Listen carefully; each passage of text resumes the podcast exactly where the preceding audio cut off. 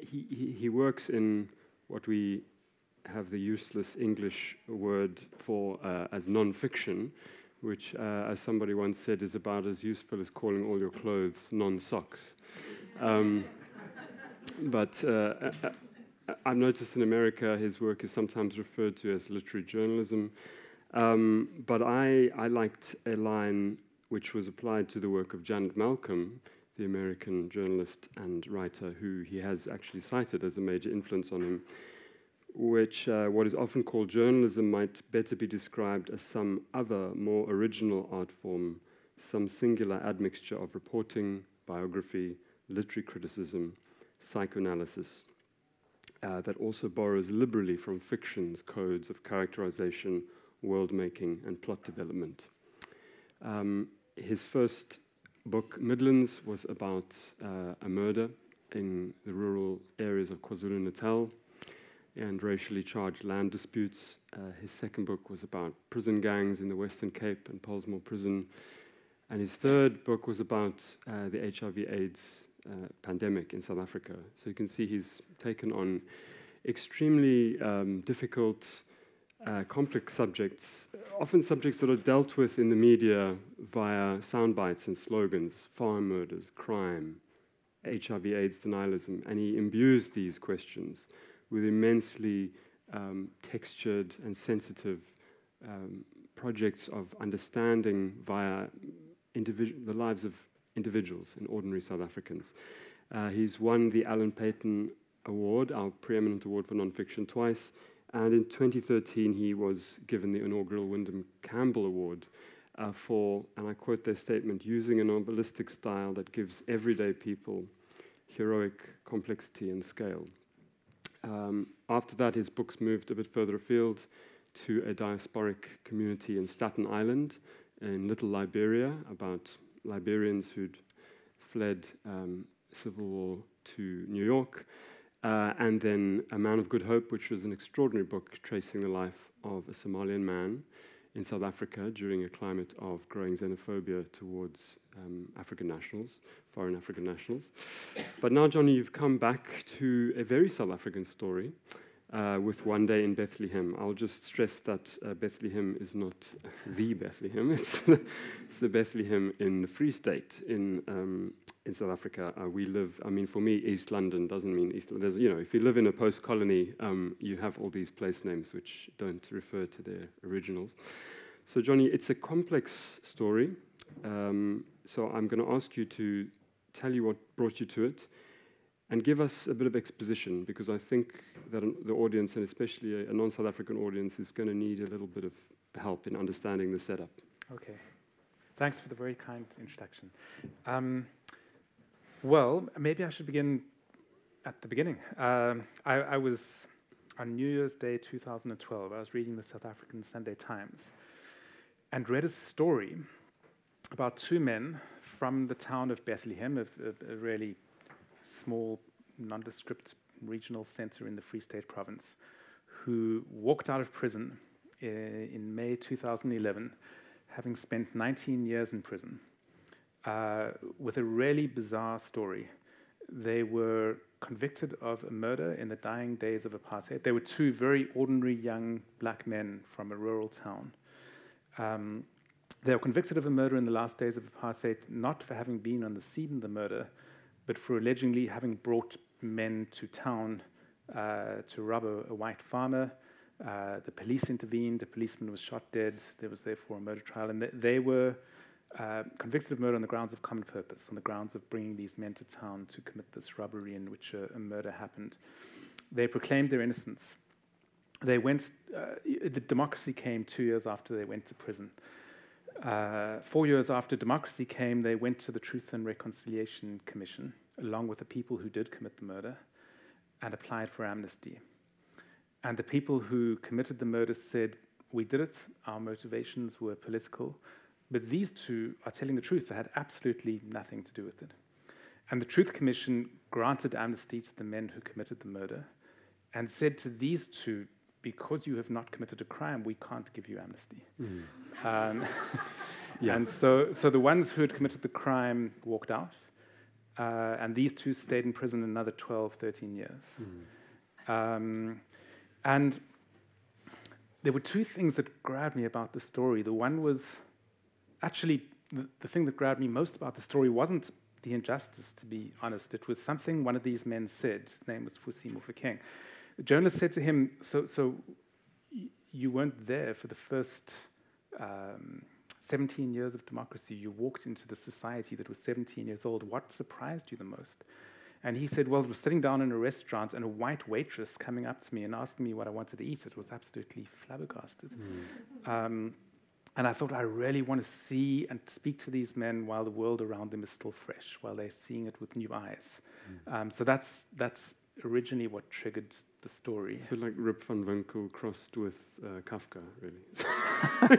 Absolutely. And I mean, Kafkaesque is overused, but that, that there's truly some there's this absurd Yeah. thing at the heart of this book. but it turns out that all my presuppositions were wrong. And, and the first presupposition was wrong was the Rip van Winkle idea. Because, of course, he wasn't Fusi Mofokeng, who the book is about. So I didn't write about the other person. We can talk about why.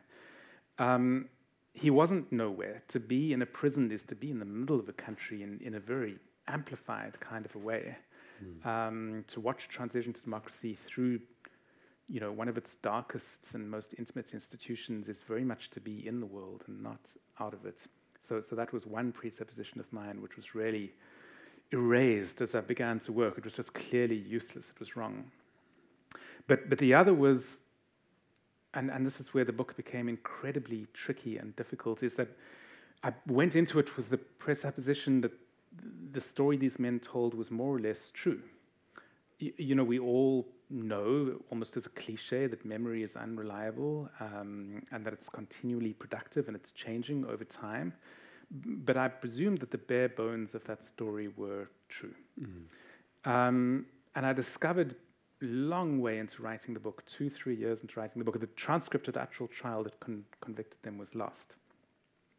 Eventually, I found the audio tapes of the trial, raised money, had them transcribed, and read them, and was actually absolutely stunned by the, the violence of the disjuncture between what everybody agreed to be true back then in 1992 and what had become of the truth now and ended up having to write a book that I really hadn't bargained for or in my worst nightmares imagined, which was how to write a man's story when the central kernel of what he believes is possibly untrue. And, and that's about his innocence in a crime. Um, so, so that was a. That, that's ended up. Uh, the book ended up becoming about that. Yeah, I mean, all your books are both telling stories and reflecting very carefully on what it means to tell stories. But this seems to be the most meta non-fictional of all of them, and the and the most idiosyncratic of all. I mean, it's it's. I think it's your most sort of experimental work. But what was the disjuncture? Can you just say what was the disjuncture that arose when you read those transcripts? So the story that he told uh, and, and believed, absolutely believed, he was not lying.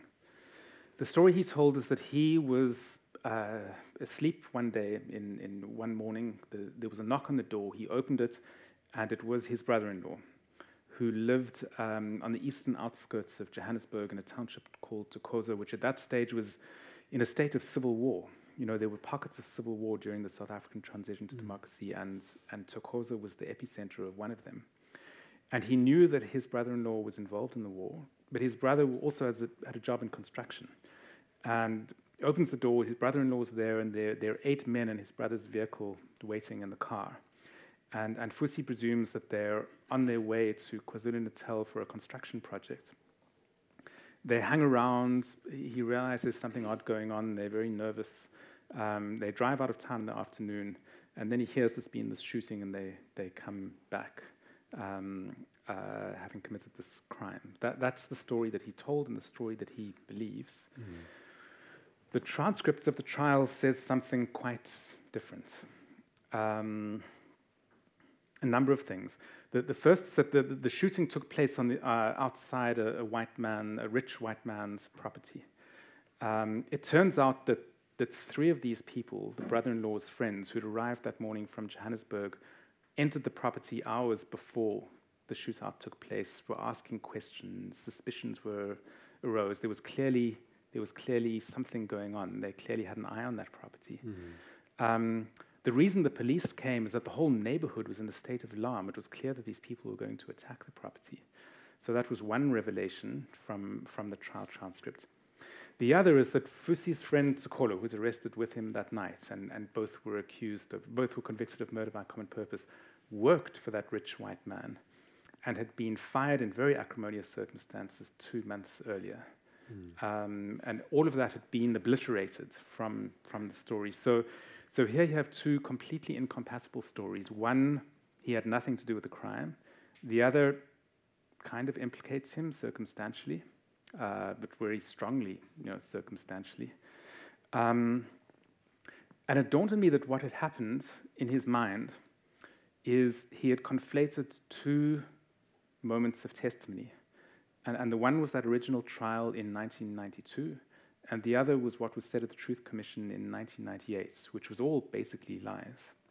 Um, and he had taken what was said at the Truth Commission in 1998 and manufactured new memories from that testimony. That testimony became the truth um, and became his memory, his vivid, substantiated memory of that day in 1992.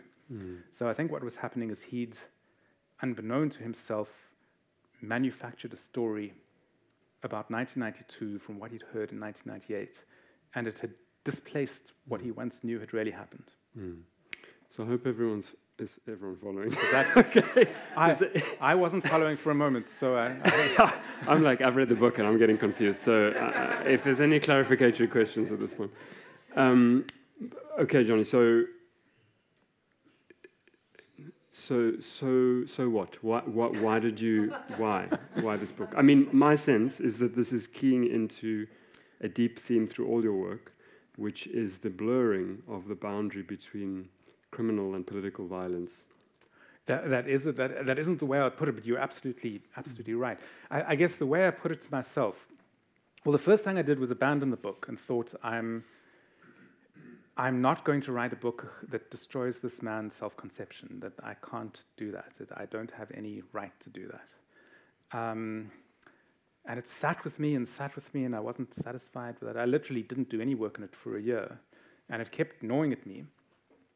And at least the way I explained it to myself, why it was gnawing at me was that, that Fusi was a fundamentally decent human being. Mm, he comes across. And more than just decent, there's something quite extraordinary about him. He spent 19 years in prison. He walked out at the age of 44, 45 into a world of, in his hometown, there was 60, 70% unemployment, there was alcoholism, a great deal of dysfunction. And within two years, he had made this extraordinary life. He'd got a job in the municipality and was rising through the ranks. He was soon going to be in the country's middle class. He had fallen in love with a woman, was in the process of marrying her, had adopted her children, and, and they, they were becoming his own. He was loving them as if they were his own. He was more than just a functional human being. He was a pretty, when it came to interpersonal relationships, self care, care of others, he was a very unusual human being. Mm. Um, it's almost as if there was a, a father and a lover and a husband shadowing him in all his time in prison that could express itself when he came out. And, and I got a hunch that there was a causal connection, that there was something interesting going on. There was a connection between his enormous decency, um, his very healthy relation to others in reality, and the fact that he had manufactured a past. Hmm. And, and I was really interested in that. I thought that there is so much in our culture which says that unless we remember what happened, we're not going to be okay. That if we repress, it's, there's an illness, that there's something wrong. And I thought that something exactly the opposite was going on here. I thought that he had this freedom to fictionalize what had happened in the past, and it made him a very functional human being, a very special human being. And I thought that I'm a writer, and if I, if I can't write about that, mm. uh, then I may as well throw in the towel. It's just, uh, it would be cowardly to retreat. Mm. And so I went to see him, and I said, Fusi, this is the story. This is what I read in the transcript. I don't believe what you said. Mm. um, and I nonetheless want to write your story uh, but only with your permission. And you must know that I'm going to write that I don't believe your version. Mm. And, and if at any point you want to stop me, you must.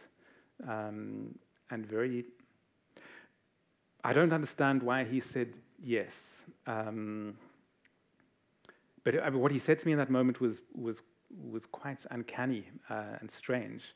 you know, he said that I don't come from a world of books, uh, but I do know that when you met me, you didn't know who I was, and you had to go through a learning process, and this is what you've arrived at, and that's fine. Um, and as long as you say that this is your understanding rather than the story itself, and that there's mm. space for other understandings, that's fine. Yeah, it's a remarkable moment. I, I mean, another thing that I, you know occurred to me as I read this book and as I hear you speak now, is that at the center of most of your books, there's an extraordinary person.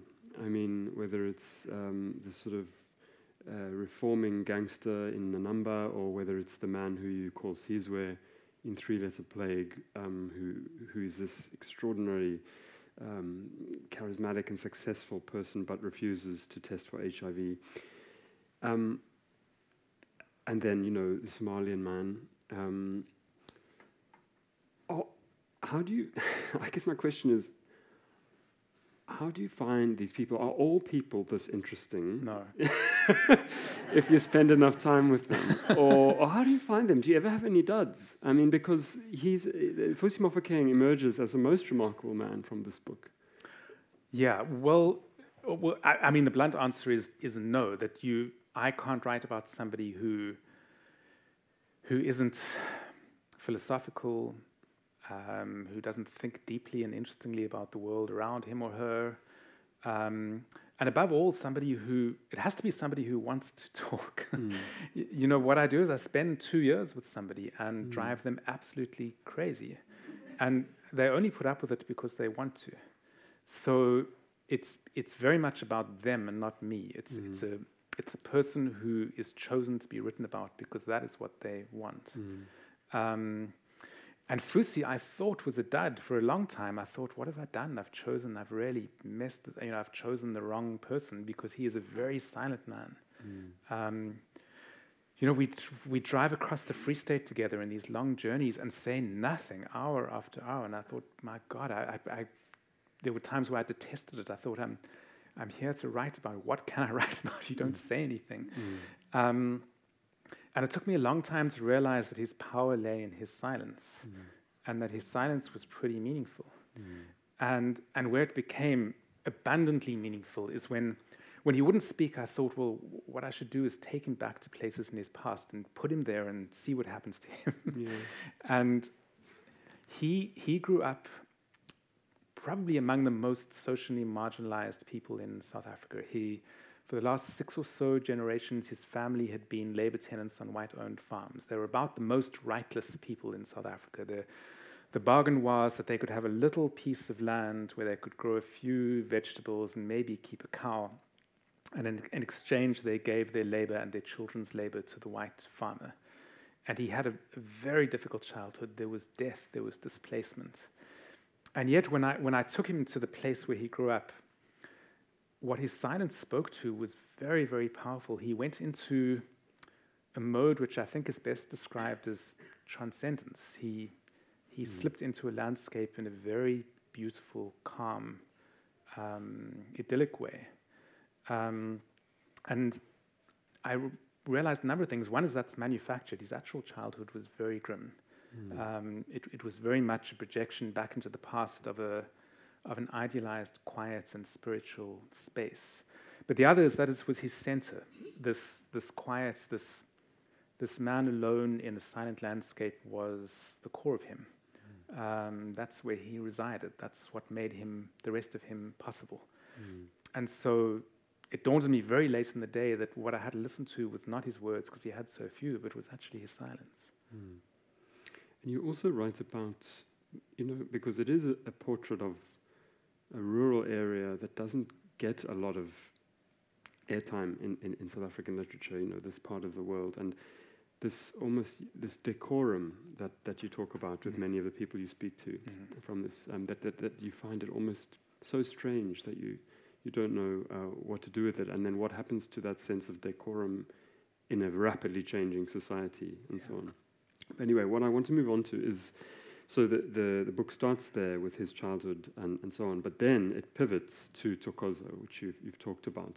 And I must say that I found um, the evocation of, of, of, that quite remarkable in the book. Um, essentially, you start telling the story of various men who find themselves in Thokoza, and it, it, at first it's quite disorientating, and then we gradually realize that it's converging on this bakkie uh, that's going to drive from from from from from Gauteng or what's now Gauteng to to Bethlehem. Bakkie is a pickup truck, by the way. pickup Yeah. truck. Sorry.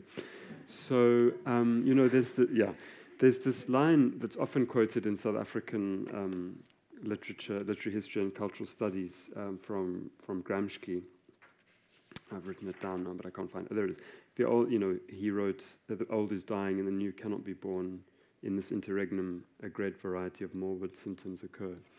And you know, that that moment um, between Nelson Mandela's release and you know 1994, when he come, when the ANC comes into power, it was a time of of of, of you know just incredible violence and, and uncertainty.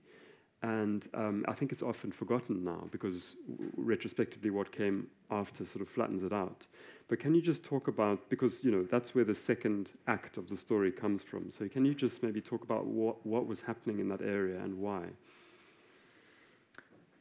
You, I, I think, I, I think that that question is unanswerable. I think that war is so complex and so difficult that you know one can tell the bare bones of it. There's uh, on the east rand of Johannesburg, um, there were these migrant worker hostels. Um, there came a point where they housed pre- prejo- um, uh, predominantly Zulu-speaking people. Um, the ANC was unbanned. The transition to democracy began. Um, Zulu political and cultural movements in Carter felt afraid and marginalized that they'd be left out of the settlements, and, and a war between Zulu speaking hostel dwellers and township residents began. That's an incredibly simplistic and crude, um, and there is no uncontentious description of what happened.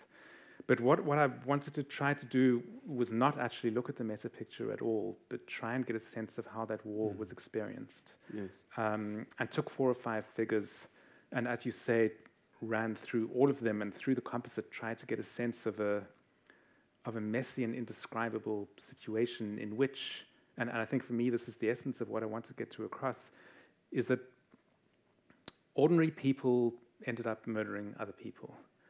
Uh, morally, spiritually, socially, ordinary people ended up in an impossibly horrible situation and had to carry that burden with them the rest of their lives. And in a sense, the book is about what happened to that burden. Um, it, it's not only too much of a burden for people to bear, but the South African narrative has no way to make meaning out of what happened. It's so clean and simple. It was a war of liberation and it was won. Um, that is so distant, so discordant with, with people's, especially the peop experience of people who killed. Um, uh, there's, there, there is no space, I don't think, in language, in narrative, for them to deal with what happened. Um, so that's what I was trying to get across. I was trying not to describe the war, not to explain the war, uh, but to give an inkling of how it was experienced by those who got caught up in it. Hmm. Yeah.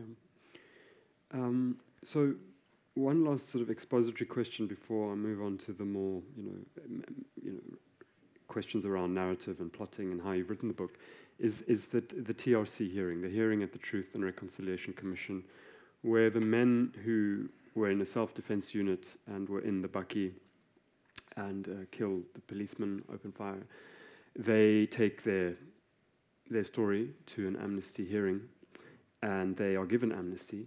And Fusi uh, goes to the hearing, um, trying to clear his name, and is told, "Well, we can't give you amnesty because that's not what we're doing here."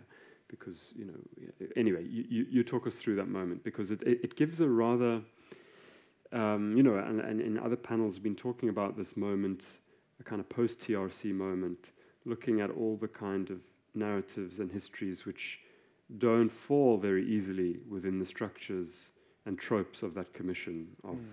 Reconciliation, of amnesty, of victim and perpetrator being very clearly separated. So, yeah, just tell us about what happens in that hearing, uh, specifically to the protagonist. So, mean, the Truth Commission was a very, very overworked institution which was rolling through case after case after case. And the result is that it, it simply rubber stamped most of its cases.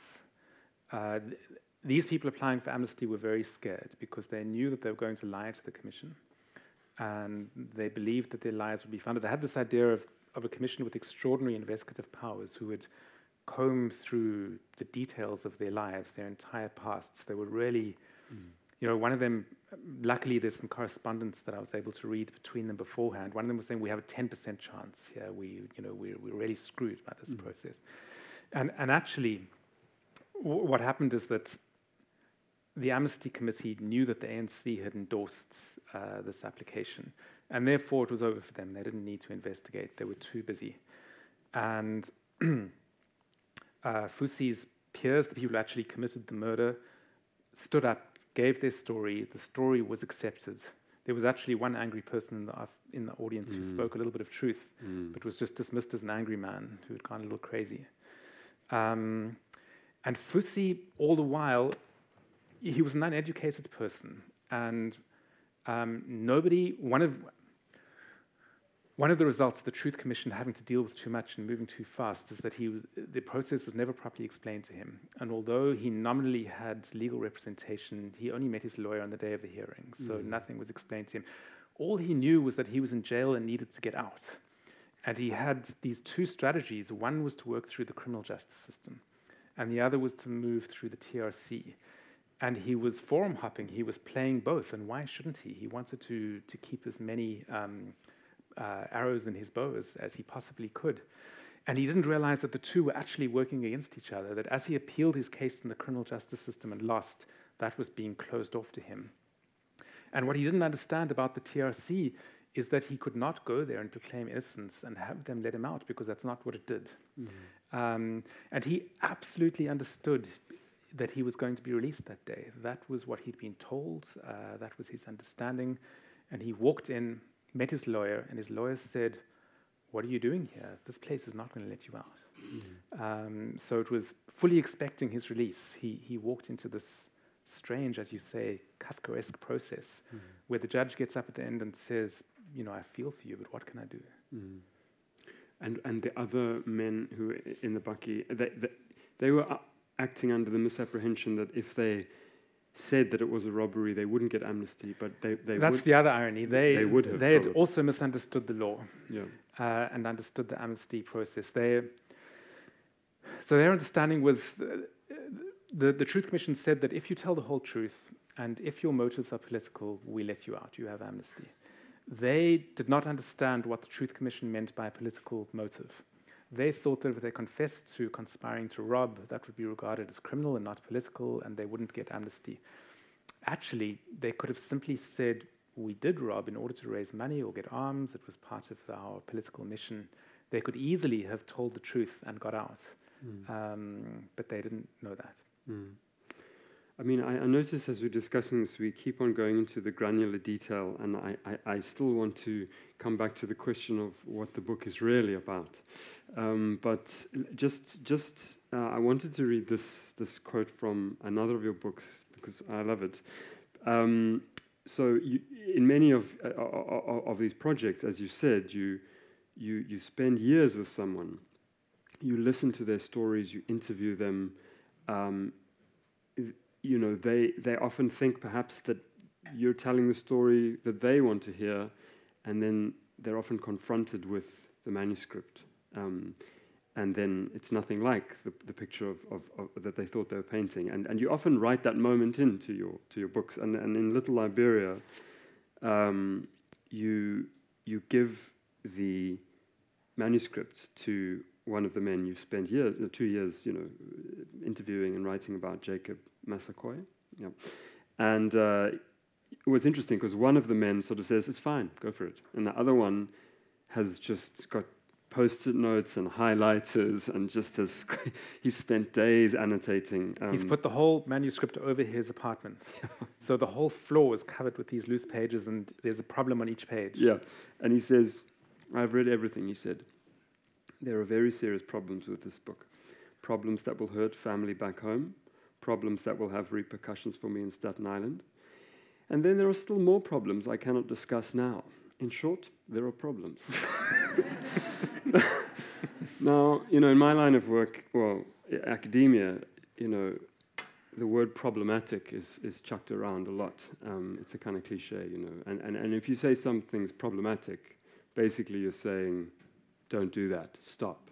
You know, it's a sort of kind of go no further. But you, um, as a writer dealing with uh, these questions, seem to um, relish the problematic. And you know, there's, there's, I mean, there's many different ways of asking this question, and I don't want to ask it the boring way, but it strikes me that you know you have become one of the most attentive chroniclers of black working class experience in South Africa, um, and there are all kinds of questions that come into play when you when you write these books. Um, I'm not so much leveling that as sort of asking you to explain that, but I'm just sort of saying, you know, how do you, how do you sort of, how do you do it? How do you, how do you, um, how do you work through the kinds of knee-jerk critiques that often come up around subject position and, and who, who can write about whom and authority, which are very real questions. Um, I mean, you partly write them into your book, but you know there's also something unstoppable about your books. They just they just go and they, they deal with problems and they almost relish the problems. So yeah, I don't know. Have you got anything to say about that? And what was what was most difficult about this book? Right. You know, I, I think that I mean you mentioned Janet Malcolm and, and she was such a formative influence when I began writing, and it was for two reasons. And and the one is that she always questioned what she knew. You know, her books were never about something; they were about whether she knew anything about what they were meant to be about. Mm. Um, and, and, so, the the problem of what she knew was really at the core, and she nonetheless wrote riveting narrative, and I, and I was very struck by that. And, and the other, and, and closely connected, is that she was always a subject in her own stories because, precisely because she couldn't pretend to um, omniscience she, she wanted the reader to know how she did know whatever little bit that she did. And for me, that was absolutely liberating because, you know, I'm from a country where there is such massive gulfs in experience and in understanding. And, and you know, you very much want to write about other people, about people who are share your country and your history, but are in consciousness quite remote from you. Mm. And, and what I got from Malcolm is that one can, if you do two things. One is in the texture of the writing itself, acknowledge that what you know is very limited. Um, and number two, to put yourself in, in order not to ventriloquize, in order never ever to claim to be speaking on behalf of another, mm. uh, but only for oneself. And so this book is about Fusi Mofokeng, but it is my book. It's it's my sense of Fusi Mofokeng, and that's very much a white middle aged person's sense. I can never transcend that, and I don't want to pretend to. And I, I, think that while I absolutely understand the idea of appropriation and, and take it with enormous seriousness, I sometimes shudder when I think of its implications because if one's being told one can't imagine another human being, um, one shouldn't embark upon the exercise of wondering who they are and really taking strain and labor and sweat to just try and imagine what it is to be them and not to pretend that one is them, not to speak for them, but go through the intersubjective exercise of, of trying to understand. If you give that up, I think that we're all screwed. Mm. I, I think that it's precisely that we don't do that enough that, that we're in trouble. Um, I also think that a person's experience is not a finite resource. You know, the fact that I have written about somebody's experience doesn't steal that experience. It is still available for anybody else to write about. Um, and so I, I, I, feel very, very strongly um, that one must write about others in the right way, I think that one can write about another and do terrible violence to them. Um, but it is hugely important to write about others. Mm. Mm, thank you. Can I open the, the, the, the, to the floor? Are there any questions? Anyone? Um, I was wondering if um, this transcript that you got from the court case, uh, was it, um, did the receptionist also read that? So I, as soon as I started reading it and, and saw what it said, I gave it to him to read, and he he didn't. He um, he it, it's written in Afrikaans, and he said that he had problems with the language, whi- which I found puzzling because he'd grown up with Afrikaans throughout his life from his childhood. It was his second language, and he was fluent in it. Um, and I think that he just he didn't want to. I think that he had a story of what happened that day, and he didn't want to interrogate it. And I think that there's a there's a strange space in all of our minds, which is very hard to describe, because it's a contradictory space where you both know and don't know all at the same time that something is not true. And and I think that the story that he told about what happened that day in 1992, he both knew to be true and yet knew not to be true. Um, and, and reading the transcript would have unsettled that contradictory space, and he didn't want to go there. That's, that's my best bet at why he just wouldn't read it. And hence the epigraph to the book from Harold Pinter. Yeah. Um, a thing is not necessarily either true or false. It can be both true and false. Just sort of having his cake and eating it, but in a very elegant way. Um, other other que- other questions? Yeah. Mean, I will read the book, but I still have to ask, did he get any compensation? Was there any justice for him at the end, some conclusion for him? He, he has been after compensation, and um, it's, it's, it's a central piece in his, in, his, in his life. And it does not look like he is going to get it. There's, um, there's a problem in South African law, and, and he's unfortunately the victim of this problem, and that's that if you go through the whole criminal justice process, you are convicted, you appeal. Um, once the appeal goes to the highest court in the land and is rejected there, it's over. Even if new evidence emerges which patently shows that you're innocent, there is no legal process. There's nothing that you can do. And instead, there's this really weird, strange hybrid piece of legislation, which is a, an odd concoction. It's a, it's a hybrid of judicial and executive action where uh, you go to a court with new evidence. No, you go to the, the, Minister of Justice with your new evidence. If the Minister of Justice thinks that it's credible, it goes back to a court, and the court hears the new evidence.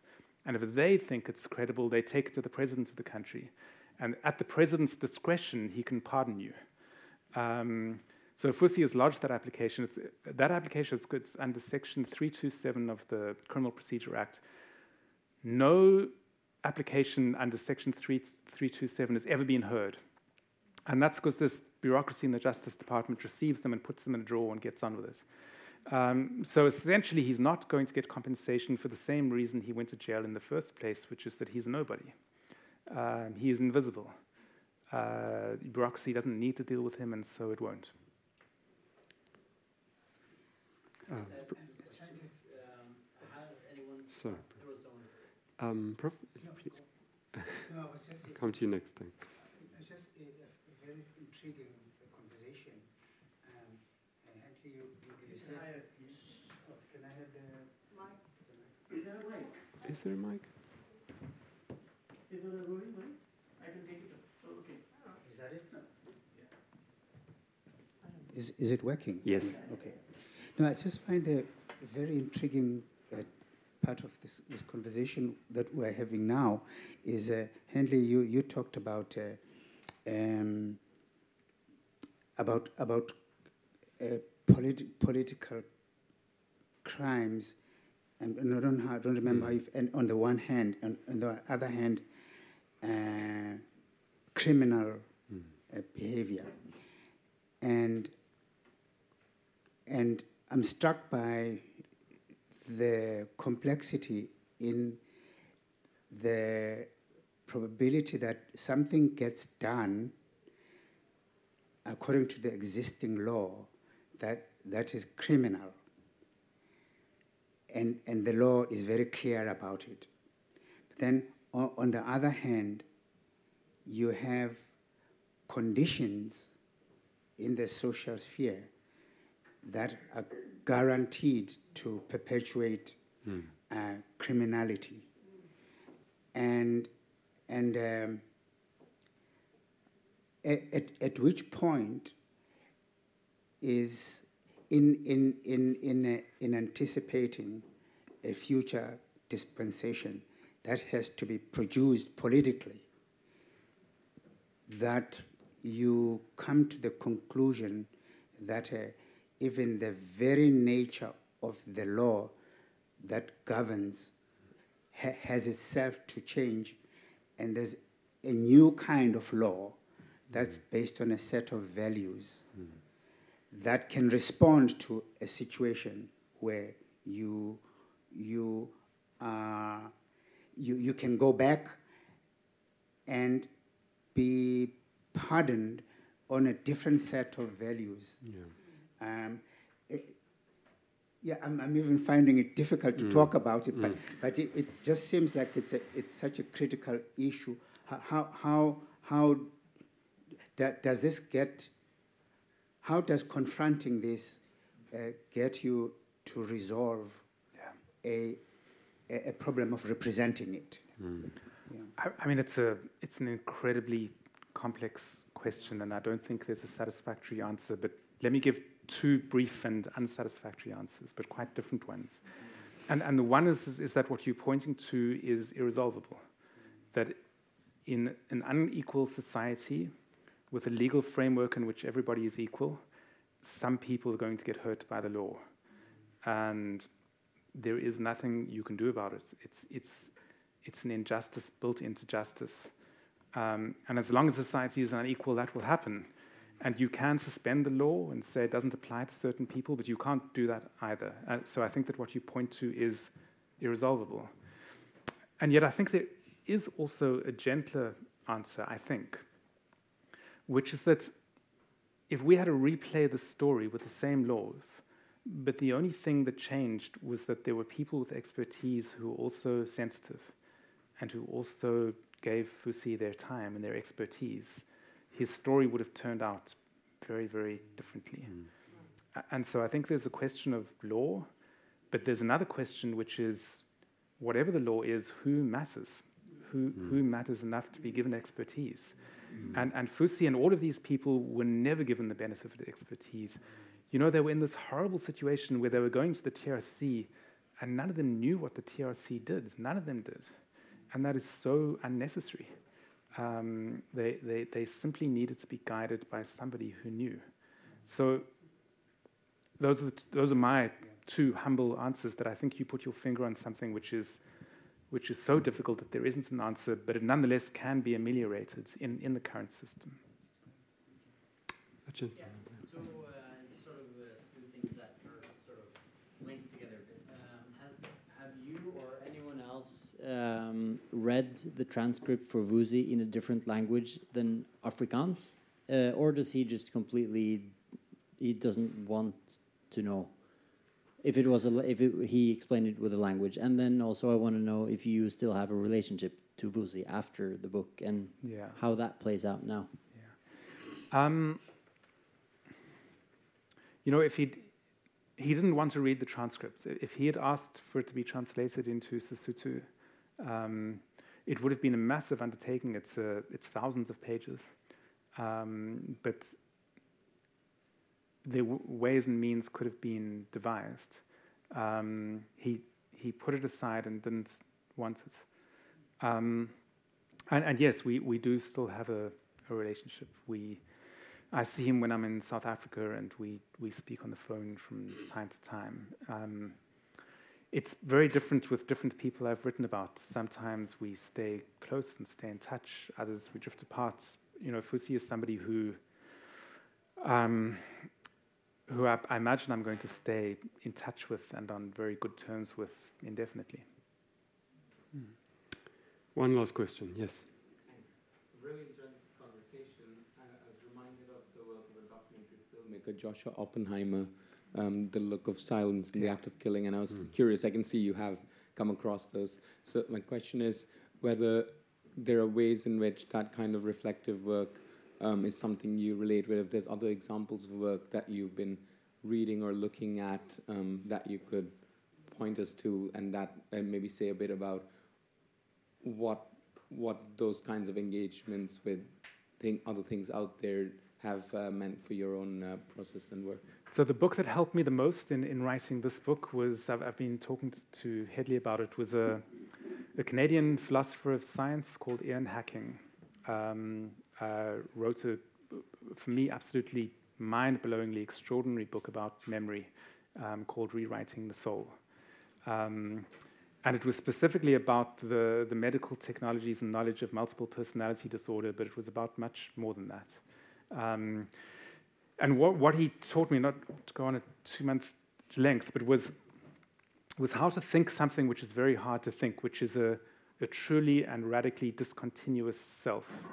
An idea that who you are now can, to all intents and purposes, be a different person in, from who you were 20 years ago in terms of your moral relation to yourself and the world, in terms of your memories of what your childhood was, what you remember, you literally can be somebody different. You can have a discontinuous self. And the function of memory fictionalizes a continuity. Um, and I, I, I, really discovered that in Fusi again and again. There, he has such a romanticized, such an idealized conception of his childhood, which is very important to who he is and which makes him the person that he is. And every now and again, there's just a strain, a glimmer of contemporaneous evidence of who he actually was when he was a child and a teenager. Um, and life was really hell for him. And he just doesn't know that anymore. Um, he's reconstructed that childhood. And um, Hacking above anybody else just allowed me to think that and understand that. Jonny, thank you so much. And um, I, have really enjoyed the conversation. And thank you all for being here and for your questions. Much appreciated. Thank you. Thank you very much. Thanks.